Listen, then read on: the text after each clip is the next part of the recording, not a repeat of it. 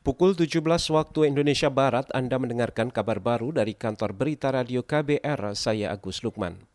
Presiden Joko Widodo mengingatkan pentingnya kolaborasi atau kerjasama antara peneliti, industri, dan pemerintah dalam mengembangkan inovasi dalam negeri.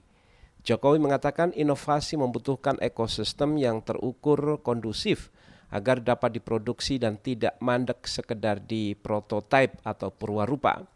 Ini disampaikan Jokowi saat membuka gelaran inovasi Indonesia Expo 2020 yang digelar Kementerian Riset dan Teknologi secara virtual hari ini.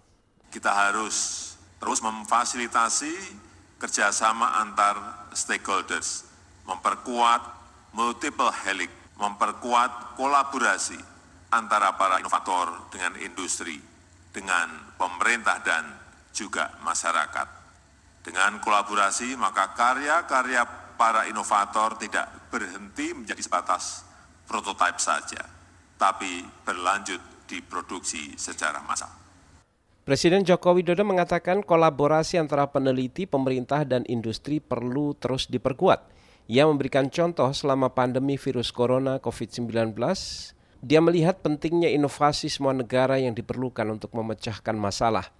Jokowi mengatakan semua negara ingin menjadi yang tercepat dan terunggul melalui inovasi di berbagai bidang, termasuk Indonesia. Kita ke Jawa Tengah, saudara, jumlah pengungsi yang terdampak ke erupsi Gunung Merapi dari tiga kabupaten di Jawa Tengah terus bertambah menjadi lebih dari seribu jiwa. Pelaksana tugas Kepala Badan Penanggulangan Bencana Daerah BPBD Jawa Tengah, Safrudin mengatakan, para pengungsi ini berasal dari Kabupaten Magelang, Kabupaten Boyolali, dan Klaten, dari sembilan desa dengan total lebih dari 30 dusun terdampak.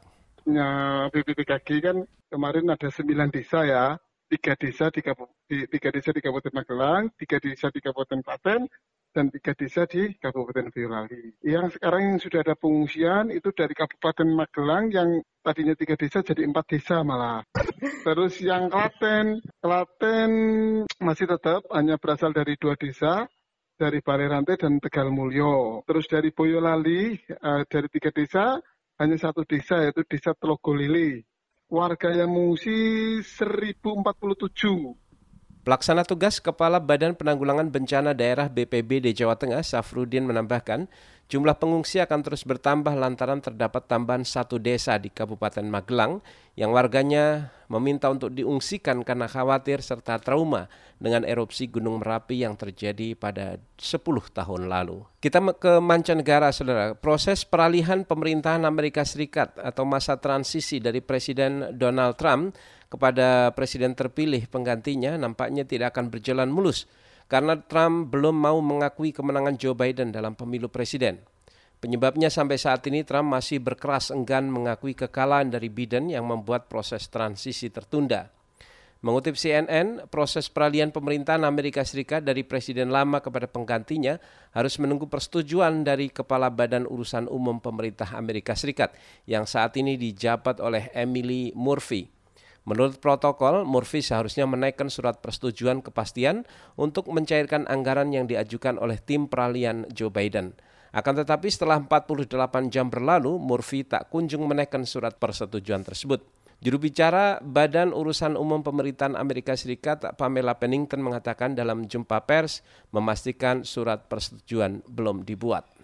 Demikian kabar baru dari KBR, saya Agus Lukman.